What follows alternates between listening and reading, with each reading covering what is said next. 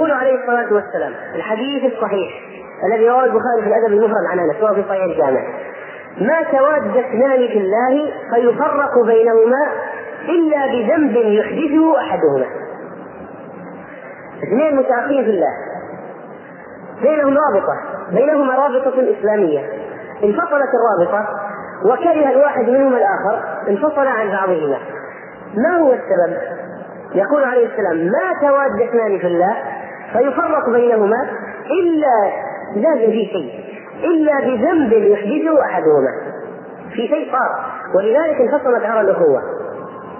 هذا سواء كان خلاف شيطاني وغضب شيطاني ولا ذنب آخر من المعاصي يفرق بين المسلمين.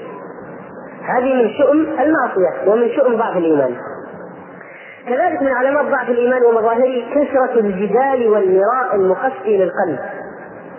كثرة الجدال والمراء التي تقسي القلب. وقال عليه السلام في الحديث الصحيح ما ضل قوم بعد هدى كانوا عليه إلا أوتوا الجدل. الجدال بغير دليل ولا نظر صحيح لا أثر ولا نظر. هذا الجدال يفيد يؤدي إلى الابتعاد عن الصراط المستقيم. والآن ناس كثيرون يجادلون بالباطل. يجادلون بالباطل. يجادلون في الله بغير علم ولا هدى ولا كتاب منير. ويقول عليه السلام أنا زعيم ببيت في ربض الجنة لمن ترك المراء وإن كان محقا. حديث حسن. ببيت في ربض الجنة لمن ترك المراء وإن كان محقا. ما دمت أقمت عليه الحجة خلاص يكفي. ومن آثار ضعف الإيمان احتقار المعروف. لو أرشدت واحد إلى شيء من المعروف يقول هذه كم هذه ما فيها إلا شوية حسنات وهذا شيء بسيط. أنا مستغني ما أعطيني شيء أشياء كثيرة كبيرة. ويقول عليه السلام اتق الله ولا تحقرن من المعروف شيئا.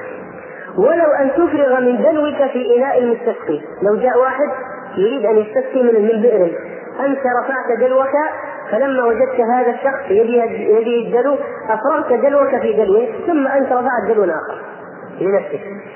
هذه العملية بسيطة لكن لا تحتقرها لا تحتقرها. وأن تلقى أخاك ووجهك إليه منبسط. ماذا تكلفك الابتسامة في وجه أخيك؟ لا شيء عمل سهل جدا.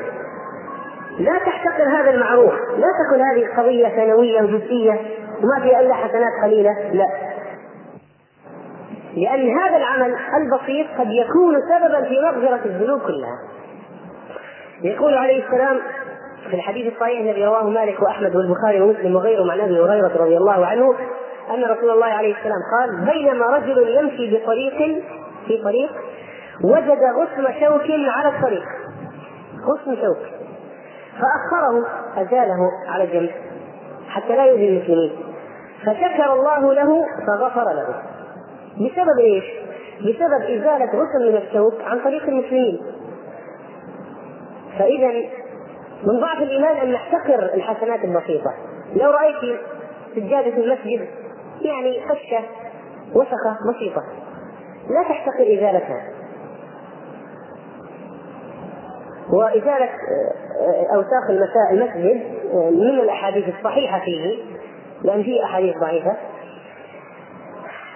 حديث المرأة السوداء التي كانت تقم المسجد على عهد الرسول صلى الله عليه وسلم. فماتت في الليل فدفنوها دون أن يؤذنوا رسول الله حتى لا يزعجوه. فلما أصبح عليه السلام وافتقدها قال أين هي؟ قالوا ماتت ودفناها. فقال دلوني على قبرها. فذهب إليه عليه السلام بنفسه وصلى عليها. لأن كانت إيش تفعل؟ تقم المسجد. تنظف المسجد. ومن مظاهر ضعف الإيمان السرور والغصة بما يصيب إخوانه المسلمين من فشل أو خسارة أو مصيبة أو زوال نعمة.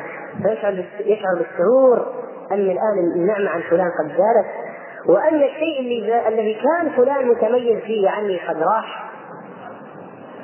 وأن تجارته قد بارت مثلا وأنه قد فقد وظيفته وأنه قد أصابه عين فذهب جماع حسن صوته وأنه فيشعر بسرور. هذه النفسية السيئة تشعر بهذا نتيجة ضعف الإيمان. ومن مظاهره كذلك الفزع والخوف عند نزول أي مصيبة أو حدوث أي مشكلة. فتراه ترتعد فرائصه يرتجف يفقد اتزانه يتضايق جدا لا يستطيع التفكير يضطرب لنزول مشكلة لأن القلب ضعيف. فلذلك تحسبهم جميعا وقلوبهم شتى. ولذلك لأجل مشكلة تجد محتار لا يستطيع مواجهة الواقع. غلب على أمره ركبته الهموم. لم يجد مخرجا. لماذا؟ لأن إيمانه ضعيف. لو كان إيمانه قوي لكان ثابتا. ولواجه المشكلة بقوة. مندفعا في المواجهة من قوة إيمانه في قلبه. ومن علامات ضعف الإيمان فشو الأمراض القلبية؟ مثل حب الظهور وإرادة أن تكون الكلمة له وأن يأخذ الجميع بآرائه وأقواله. ومن علامات ضعف الإيمان عدم الاكتراث لفوات مواسم الخيرات. يعني لو جيت واحد قلت يا أخي بريت انت أنت صمت أمس ترى أمس كان مثلا يوم عرفة ترى أمس كان عاشوراء قال لي إيه والله نسيت ما لا ما تذكرت. عادي يعني أمر عادي.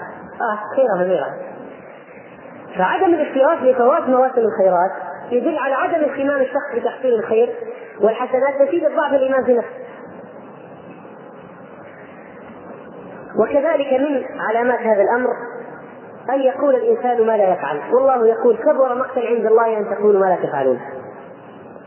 ومن علامات ضعف الإيمان أن يأخذ الكلام الإنسان وأسلوبه الطابع العقلاني البحث ويفقد السمه الإيمانية. حتى لا تكاد تجد في كلام هذا الشخص اثرا لنص من القرآن أو من السنة. ولا للتسليم بشرع الله. يعني تجد كلام عقلاني يعني أشياء حجج عقلية ما في قرآن ولا في أحاديث في كلامه. وطبيعة الجدال النقاش فقط. ولذلك الكلام غير مؤثر. حتى لو أتى بأدلة كثيرة عقلية لا يؤثر في نفوس الآخرين. ومن اعراضه الشك والبخل. ومن مظاهر هذا الأمر المغالاة في الاهتمام بالنفس يعني اكلا لبسا أناقة مسكنا مركبا تجد الإنسان هذا ضعيف الإيمان يهتم بالكماليات جدا يهتم بلباسه جدا ويشتري أغلى الأنواع أغلى الأقلام ويهتم بالمركب مثلا بسيارته جدا. في مسكنه يزوقه ويحسنه وينفق الأموال الأموال والأوقات في هذه التحسينيات تحسينات وليس لها داعي كبير ليست ليس لها ضرورة. وليست حتى مما يسهل عن الحياة العملية وإنما مجرد إنفاق أموال تضيع أموال في أشياء لا فائدة من ورائها. ويقدم اهتمامه بنفسه على الآخرين. وينفق أموال والمسلمون يحتاجون إليها. حتى يقع في التنعم. التنعم يعني الترفه الزايد عن الحد. ولذلك يقول الرسول صلى الله عليه وسلم الحديث الصحيح عن معاذ بن جبل رضي الله عنه أن رسول الله صلى الله عليه وسلم لما بعثه إلى بعث به إلى اليمن قال إياك والتنعم فإن عباد الله ليسوا بالمتنعمين. إياك والتنعم فإن عباد الله ليسوا بالمتنعمين. فإذا أيها الإخوة الإغراق في الأناقات والإنفاق على النفس في الأشياء الكماليات والتزويق والتحسين. هذه الأمور دليل على أن الإنسان مستعد أن ينفق أموال وأوقات فيها غير مكترث بإنفاق هذه الأموال والأوقات في أشياء أهم منها. نأتي الآن إلى القسم الأخير في هذه الليلة في حديثنا وهو الأسباب. الآن نحن ذكرنا بعض الأعراض بعض المظاهر لضعف الإيمان. نريد أن نتكلم عن أسباب هذا. يعني لماذا يحصل ضعف الإيمان؟ ما هي أسبابه؟ الله عز وجل يقول في القرآن ألم يأن للذين آمنوا أن تخشع قلوبهم لذكر الله وما نزل من الحق؟ ولا يكونوا كالذين أوتوا الكتاب من قبل فطال عليهم الأمد فقست قلوبهم. وكثير منهم فاسقون. فإذا الإخوان في خارج المسجد ممكن يدخلوا يجدوا مكان إن شاء الله. آه، فطال عليهم الأمد فقست قلوبهم إذا طول الأمد طول الوقت. واحد ابتعد ابتعد عن الأجواء الإيمانية. فترة طويلة هذا مدعاة لضعف الإيمان في نفسه. فمثلا أيها الإخوة واحد ابتعد عن إخوانه في الله. فترة طويلة. لسفر لوظيفة أي شيء. صار عنده انشغال عنده انشغال فابتعد عن إخوانه. والإخوة كما يقول حسن البصري إخواننا أغنى عندنا من أهلينا. فأهلنا يذكروننا بالدنيا وإخواننا يذكروننا بالآخرة. عندما يبتعد الإنسان عن إخوانه فإنه يفقد الجو الإيماني الذي كان يتنعم في ظلاله ويستمد منه قوة قلبه. والمؤمن قليل بنفسه كثير بإخوانه. الإخوان مهمين جدا. الجو الإخوة جو الجو الذي يعيش فيه الأخ بين إخوانه في الله. جو مهم جدا. عندما يبتعد الإنسان عنه لفترة فطال عليه الأمد لفترة يقسو قلبه. الابتعاد عن القدوة. مثلا الإنسان يتعرض لنفحات تربوية من أخ له في الله هو أعلى منه علما وإيمانا. فيتربى تحت يديه. فإذا ابتعد عنه ابتعد عن هذا القدوة فترة من الزمن يقتل قلبه. إذا الابتعاد عن أهل التقوى وعن القدوات الصالحة والانشغال عنهم سفر وظيفة أي شيء يسبب ضعف الإيمان. الصحابة الرسول صلى الله عليه وسلم لما توفي عليه السلام واروه واروه من هنا وقالوا فأنكرنا قلوبنا. يعني بعد ما واروا جثمان الرسول صلى الله عليه وسلم مباشرة قالوا أنكرنا قلوبنا. أحسوا وحشة في قلوبهم لأن المصدر المعلم المربي مات. عليه السلام. آه وكما ورد في وصفهم في بعض الآثار فكانوا كالغنم في الليلة الشاتية المطيرة. كيف يتفرق الغنم؟ في الليلة الشاتية الباردة المطيرة كثيرة المطر شديدة المطر. كذلك الصحابة رضوان الله عليهم أحسوا وحشة في قلوبهم مع أنهم من المحافظين على إيمانهم. حاسوا بوحدة مع أنهم يتعاهدوا إيمانهم مع أن فيهم أبو بكر وعمر وعثمان وقدوات كثيرة من الصحابة حسوا بوحدة لأن قلوبهم حساسة جدا. الآن بعض الناس يبتعد عن إخوانه في الله يبتعد عن الأجواء الإيمانية يعيش بوحدة لكن لا يتدارك الأمر. حتى تصير الوحدة شيء طبيعي ثم تحدث نفرة في قلبه من تلك الأجواء الإيمانية. يقسو القلب ويضعف الإيمان فعلا. الابتعاد عن طلب العلم الشرعي والاتصال بكتب السلف الكتب الإيمانية. كتب تحريك القلوب. هناك أنواع من الكتب أيها الإخوة تحس وأنت تقرأ فيها بأنها تحرك قلبك. بأنها تستثير الإيمان الكامل بأنها تحرك الدوافع الإيمانية في القلب. من أفضل الأمثلة على هذه الكتب كتب ابن القيم رحمه الله. كتب تجد أنه يتطرق بشكل أو بآخر ويعرض القضية بأسلوب إيماني. بعض كتب الفقه فيها نوع من الجمود الإيماني في عرض الأحكام. بعض العلماء يتميزون بأسلوب إيماني في عرض حتى في عرض الأحكام. فكيف في الأشياء الأخرى؟ لذلك الإقبال يعني الانقطاع عن هذه الكتب والإغراق في قراءة الكتب الفكرية فقط أو كتب الأحكام المجردة عن الإيمانيات فقط أو كتب اللغة والأصول مثلا فقط من الأشياء التي تورث أحيانا القسوة في القلب لأنه انشغل بقراءته عن قراءة الكتب الإيمانية الأخرى. طبعا نحن لا نذم الآن الناس الذين يطلعون في اللغة والنحو والأصول وغيرها لا هذا مهم. لكننا ننبه إلى أولئك الناس الذين أعرضوا عن كتب التفسير والحديث مثلا. فلا تجد تكاد تجده يقرأ بالتفسير ولا في الحديث. مع أن مثلا التفسير واحاديث الصحيحين وغيرها من أهم الأشياء التي تصل القلب بالله عز وجل. فكونك تعرض عن التفسير وعن قراءة في كتب الأحاديث عندما يقرأ الإنسان كتب الحديث يا أخي عندما تقرأ في الصحيحين مثلا تحس أنك تعيش في أجواء العصر الأول. تحس كانك تحس كأنك تعيش مع الرسول صلى الله عليه وسلم ومع الصحابة. تتعرض لنفحات إيمانية. هذه سيرتهم هذه حياتهم هذه طريقتهم هذه الأحداث التي جرت في عصرهم. تحس أنك تعيش فيها تحس أنك فرد منهم. فالوصية أيها الإخوة بقراءة قراءة كتب الأحاديث كتب السيرة. وطبعا من الذين يتعرضون لهذا بشدة الذين يقرؤون ويدرسون دراسات لا علاقة لها بالإسلام. يعني الذين يدرسون مثلا الكتب التجارية مثلا. وفيها كل كلام مثلا عن الربا وعن البنوك أو كتب علم الاجتماع والفلسفة وكتب علم النفس البعيدة عن الإسلام. فيها نظريات كثيرة تقسي القلب وكلام يقسي القلب. واحيانا يأتي لك بأمثلة فلانة وفلان والسكرتيرة وكذا وكذا. يعني أشياء لما الواحد هذه ترى لابد أن ننتبه اليها الذين يدرسون في التخصصات والجامعات. غير الشرعية. صح هي تفيد المسلمين. لا نقول لا تدرس لا. لكن انتبه وأنت تدرس في هذه الأشياء. ترى كثرة القراءة فيها تقسي القلب.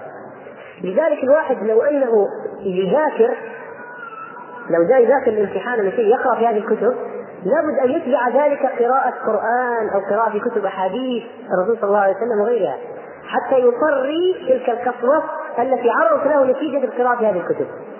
طبعا قراءة القصص الخيالية وقراءة قصص الحب والغرام طبعا هذه أشياء يعني المجلات آه، بعض الناس يغرقون في قراءة المجلات والجرائد يتتبع الأخبار من هنا ومن هنا محطات الراديو والتلفزيون ويقول أريد وعيا و لكن في حقيقة الأمر يقسو قلبه نتيجة المداومة على قراءة الأخبار وقراءة الأشياء هذه. لأن بعض الجرائد ما فيها شيء يربطك بالله كل أشياء تقسي القلب مجلات تقسي القلب إذا أخبار ما في شيء ما تحس أنك تسمع شيء يرقق قلبك. ولذلك إذا داومت عليها السماع هذه الاشياء وقراءتها هذه تورث قسوة القلب فعلا. ومن الأسباب كذلك المهمة في في ضعف الإيمان وجود الإنسان المسلم. ولو كان خامته طيبة وجود المسلم ولو كان خامته طيبة وجوده في وسط يعج بالمعاصي. وسط يذكر بالدنيا أحاديث دنيوية مثل عموم المجالس والمكاتب وبيوت الناس اليوم. أحاديث التجارة الوظيفة الأموال الاستثمارات التجار الفرص التجارية آه، بيوت فيها اختلاط آه، تعد المنكرات وتسمع الأغاني تشاهد المتبرجات آه، أفلام ملهيات حكايات ومجالس فيها قصص تسوق قصص. فعلا هذه العيش في وسط هذه الأجواء يقسي القلب. طبعا بعض الناس لا يملكون شيئا. يعني هذا حال أبيه وحال أمه وحال اخواني وحال اخواتي وحال اعمامي واخوالي وزواري زوار البيت. فهو لا يملك أن يغير شيئا أحيانا. ولا يستطيع أن يقول والله أنا سأخرج من بيتي وأسكن في الشارع ولا أجلس عند واحد صديقي أشكل عليه. لا يملك. ولكن طبعا هناك إجراءات لا بد من اتخاذها. لكن هذا سبب من أسباب ضعف الإيمان ولا شك. وبعض الناس عندهم خزينتهم حصيلتهم حصيلتهم ذاكر ذاكرتهم مملوءة بهذه القصص التي تقسي القلب والأحاديث. يعني أذكر مثال حصل لي مرة من المرات كنت ذاهب مع صاحب تاكسي سيارة إجرة من مكة إلى جدة في الليل. فطبعا يعني الواحد آه، طيب انتهز الفرصة الكلام مع السائق. فقلت له أنا أخبرك بقصة وأنت تخبرني بقصة حتى نصل. حتى ما ينام في الطريق. طيب آه، أخبرته بقصة في صحيح البخاري. فالآن جاء دور يقص عليه قصة فالرجل أتى بقصة طويلة. آه، يعني ملخصها واحد شجاع في قبيلة ذهب للحج. ورأى امرأة وأعجب بها كانت ساكنة في اليمن ثم ذهب إلى اليمن وتحايل بدخول بيتها. واتضح أنها زوجة واحد من آه، أمير في اليمن.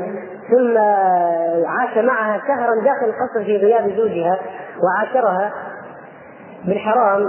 ثم هرب بها وقتل زوجها وقتل وقتل يعني أشياء كلها الحرام والزنا وقتل وعمل وسوى وبالأخير قتل ثم لما علمت بخبر مقتله ماتت والأشواق اللي كانت بينهم. فاستمعت إلى قصه حتى أخبر الرجل يعني أعلق على هذه القصة كلام. هو كان يتجنب الأشياء الفاحشة يعني تفاصيل الاشياء لكن هذا يعني هذا هذا هذا الشيء الذي في ذهنه. ويتكلم بالقصة وهو معجب بها. هذه المشكلة. يعني انه معجب بالقصة وعنده قصص كثيرة مثلها وهذه يقول هذه نحن حكى يقول نحن أهل البادية. هذه يعني قصصنا وحكاياتنا وما نمضي به الوقت من هذا القبيل. ما مشكلة طبعا. طبعا في ناس مهنهم مثل سائقي الشاحنات هؤلاء يقطعون على الطريق مسافات طويله اوقات طويلة جدا يجلس 10 ساعات 20 ساعة أكثر أيام على الطريق. هؤلاء يمضون أوقاتهم بأي شيء. طبعا أحيانا في سائق ومساعد السائق. كيف يمضون أوقاتهم؟ أشعار فارغة وقصص مثل هذه قصص الحب والغرام أو أشرطة أغاني. هذا طول الوقت يسمع فيها هذه المشكلة أنه يعيش طيله الوقت في السياره يمشي ويسمع هذه الأشياء. لذلك لابد من إيجاد يعني حلول تقديم أشياء لهؤلاء الناس لعلهم ينتفعوا بها. هذا قطاع يمكن مهمل الآن الدعوة إلى الله قطاع تاريخي الشاحنات. ما عاد يمكن ينتبه لهم. إلى الدعوة إلى الله واعطائهم الأشياء النافعة والمفيدة. يجلسون ساعات أيام في الطريق يسمع إيش؟ كذلك من أسباب ضعف الإيمان الإغراق في الانشغال بالدنيا حتى ينشغل القلب. إحنا ما نقول لا تشتغل بالدنيا لا تعمل لا لا تتكسب لا تتوظف لكن لدرجة أن ينشغل القلب فيتعلق فيصبح القلب عبدا لهذه الأشياء. والرسول صلى الله عليه وسلم قال تعيس عبد الدينار؟ تعيس عبد سماه عبد الدينار وعبد الدرهم. ولذلك يقول عليه السلام إنما يكفي أحدكم ما كان في الدنيا مثل زاد الراكب يعني شيء يسير الذي فقط يبلغه إلى المقصود. طبعا سواء كان كثير ولا قليل يعني في الحجم يعني يسدد ديون يمكن يحتاج أشياء كثيرة يتكسب لكن الانشغال من الأسباب الأخرى الانشغال بالمال بالزوجة بالأولاد. الله عز وجل قال واعلموا انما أموالكم وأولادكم فتنة. وقال الله تعالى زين للناس حب الشهوات من النساء والبنين والقناطير المقنطرة من الذهب والفضة والخيل المسومة والأنعام والحرث. ذلك متاع الحياة الدنيا. والله عنده حسن المآب زين للناس. القضية أن زينت للناس فيتعلقون بها. ويقول عليه السلام إن في مال الرجل فتنة وفي زوجته فتنة وولده. طبعا هذه ليست دعوة إلى ترك تربية الزوجة والأولاد لا. هذا من الخير هذا من الشيء المطلوب شرعا. لكن الانسياق وراء الزوجة في المحرمات والانسياق وراء الأولاد في الشغل عن طاعة الله الرسول صلى الله عليه وسلم قال الولد مزبنة. إذا جاء يجاهد في سبيل الله الإنسان قال ولدي. مبخلة إذا جاء يتصدق في سبيل الله قال ولدي أحق محزنة يركب الهم والغم إذا أصاب المرض أصابه الأشياء فينشغل عن أشياء كثيرة.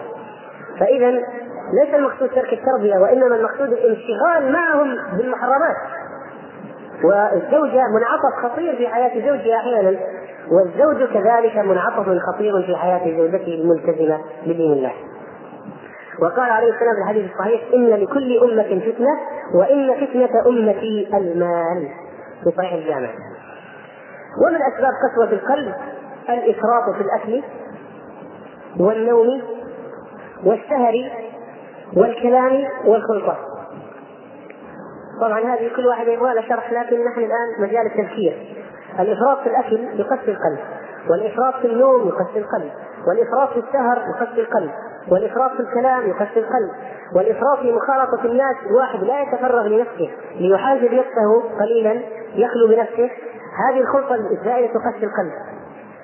كثرة الضحك تقسي القلب. يقول عليه السلام الحديث الصحيح وأقل الضحك فإن كثرة الضحك تميت القلب.